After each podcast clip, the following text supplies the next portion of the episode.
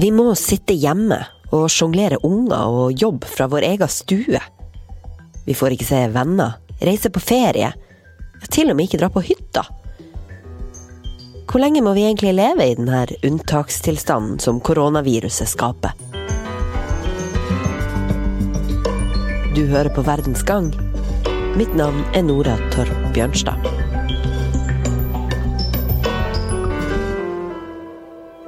I dag kommer regjeringen med de sterkeste og mest inngripende tiltakene vi har hatt i Norge i fredstid.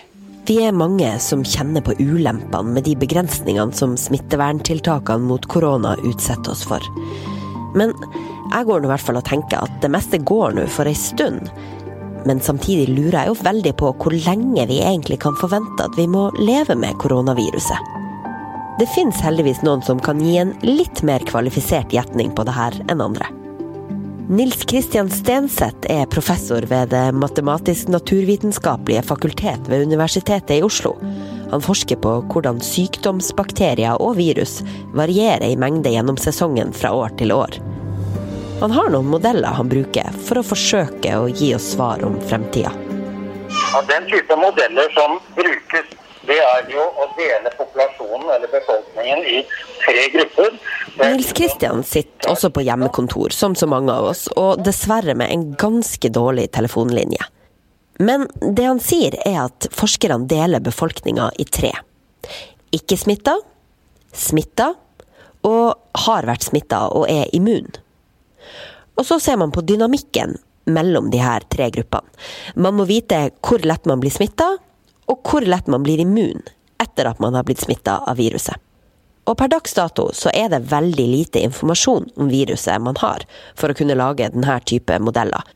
Men Nils Kristian har mye kontakt med dem som står og tar beslutninger i Kina, som han bruker som referanse. Vi har jo nå kommet i en situasjon hvor vi er i ferd med å stoppe epidemien. Vi antar nå i løpet av en måned eller slik at det vil være tilbake til normal situasjon, at vi har full kontroll. Det er jo en blanding av erfaring fra andre land og kunnskap fra tidligere epidemier som forskerne nå støtter seg på. Mikael Hem, journalist i VG, har jobba med en sak for VG+, der de har intervjua hele sju forskere om nettopp hvor lenge vi kommer til å ha viruset her til lands. I svarene de gir meg, så har de referert til eh, SARS-epidemien fra 2002-2003, svineinfluensaen fra ti år tilbake. Og en av forskerne jeg har snakket med, er ekspert på spredning av svartedauden. Så det er klart at eh, man lærer av tidligere pandemier. De kan jo selvfølgelig si mye ved å se på Kina, men uh, det er en del ting som gjør at uh, utviklingen går forskjellig. For det første så start, dette ble oppdaget i Kina, så, og da visste man jo ikke hva man sto overfor. og I begynnelsen så prøvde kineserne å dysse det ned. Men når de skjønte hvor alvorlig det var, så satte Kina inn svært strenge tiltak. Og satte alle de som var smittede i isolasjon og sperret dem inne. Og folk fikk eh, ikke lov til å gå ut. Og gatene i mange store byer var helt tomme. og det, de, de satte inn tiltak som er vanskelig å gjøre i eh, mer demokratiske land som Norge. Slik at når de først satte inn tiltak, så fikk de ganske raskt bukt med spredningen, men med veldig drastiske midler. En av dem jeg snakket med, Arnoldo Fregesti, han eh, jobber med statistiske modeller for å se hvordan smitten eh, utvikler seg.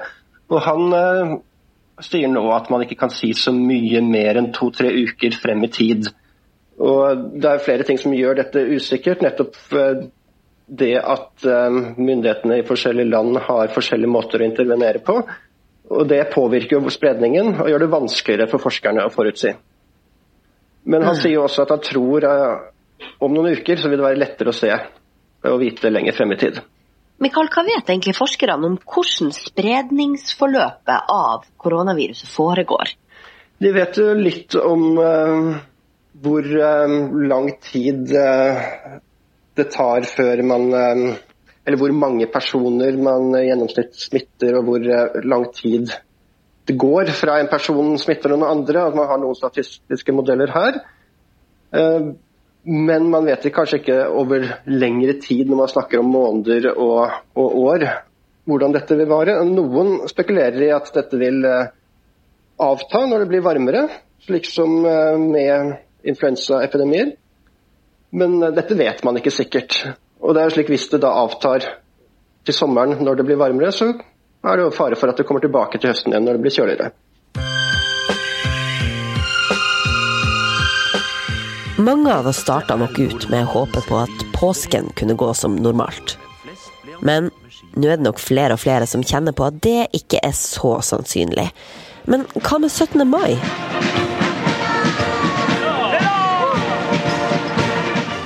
Vi er nok ikke tilbake til normalen før til sommeren.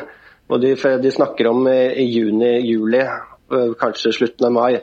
Og Det betyr jo at øh, påsken nok ikke vil øh, gå som normalt. Og det er jo da også fare for at 17. mai kanskje heller ikke vil kunne feires som vi pleier.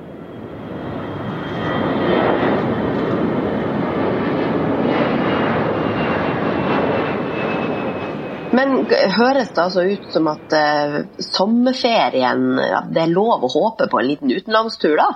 Det er jo nesten umulig å si, men det er et godt spørsmål som selvfølgelig veldig mange vil vite svar på. Det kan hende at uh, vi må uh, la være å fly i så lang tid. Altså, flere av de jeg har snakket med, sier også at man kanskje bør ha, fortsette å ha litt strenge begrensninger på hvordan vi beveger oss også etter at spredningen har nådd toppen. Da kan det hende at vi må vente med å fly til litt utover sommeren. Da skjønner jeg at jeg kanskje liksom ikke skal kjøpe billetter til utenlandsreise eh, til sommeren helt enda, men eh, hva mener professorene? Er det noen av dem som sier noe om det er håp for en hyttetur, i det minste?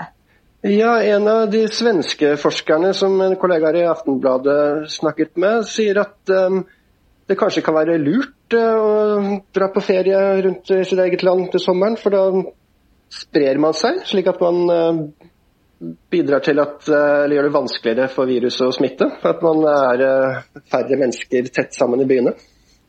Jeg spør professor Nils Kristian om han tror det er innafor å planlegge en sommer på hytta. Være veldig forsiktig med å gi råd. Han sier han vil være forsiktig med å gi råd på toppen av det helsemyndighetene kommer med. Men han tror at innad i landet vil vi etter hvert kunne bevege oss.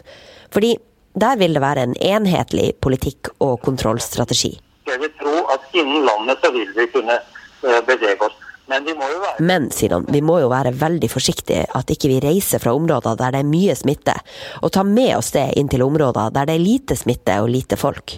Så vi må vise stor grad av solidaritet, etter min mening. Hva er det grunn til å tro at vi kan glede oss først over at gjeninnføres av de vanlige gjøremålene våre? Mange av de som har kontorjobber De med eget kontor kan kanskje få jobbhverdagen tilbake, da. Om ikke så altfor lenge. Samtidig mener forskeren at det er veldig viktig at vi opprettholder de restriksjonene som finnes på å samles i større lag.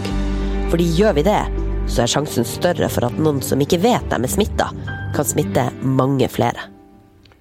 De jeg har snakket med, sier at de har eh, god effekt. At det lønner seg å være isolert og ha lite kontakt med andre mennesker. Eh, de henviser til eh, Kina, som, der spredningen ble den eh, stoppet ganske betraktelig etter at de innførte strenge tiltak.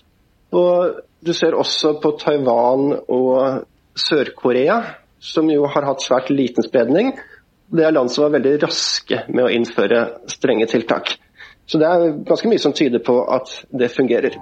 Det høres altså ut som om vi kan beholde et lite håp om i det minste noen hytteturer i Norge når vi kommer litt ut i sommerferien, skal vi tro dem som har verktøyene til å estimere hvordan dette viruset vil utvikle seg. Men, og det er et viktig men, de modellene som forskerne bruker, de forutsetter noen klare betingelser for å fungere riktig. Ja, det er én forutsetning, og det er at uh, vi her i Norge uh, gjør akkurat det samme som alle andre gjør. Og det er jo ikke tilfellet. Så de aller fleste modellbetraktninger uh, tar utgangspunkt i at Norge er et isolert land. Det Nils Kristian her sier, er at modellene ikke virker hvis ikke et land er helt isolert. Fordi kommer det inn noen fra et annet land, der hvor myndighetene har hatt en annen tilnærming til viruset, da vil utvekslinga mellom landene gjøre at smitten kan holde seg veldig lenge i systemet. Det forklarer vel hvorfor Norge og så mange andre land nå stenger landegrensene midlertidig. Ja, det er klart eh, hvis man eh, ikke innførte noen tiltak, så ville jo veldig mange bli smittet veldig fort.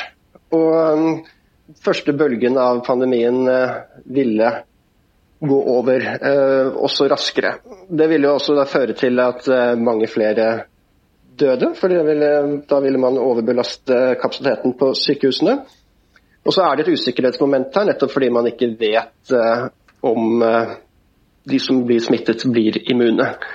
Og da er det jo ikke sikkert at det er noe lurt tiltak hvis denne, dette viruset kommer tilbake og smitter dem igjen. Ikke sant. Det er jo grunn til å minne om at det ikke er noe vi ønsker oss. Mikael Hem, tusen hjertelig takk til deg for at du eh, var med i podkasten fra ditt hjemmekontor. Du har hørt en episode av Verdens gang, som lages av Tor Erling Tømt Ruud, Kristine Hellesland, Emilie Hall Torp og Nora Torp Bjørnstad. Teknisk produsent er Magne Antonsen.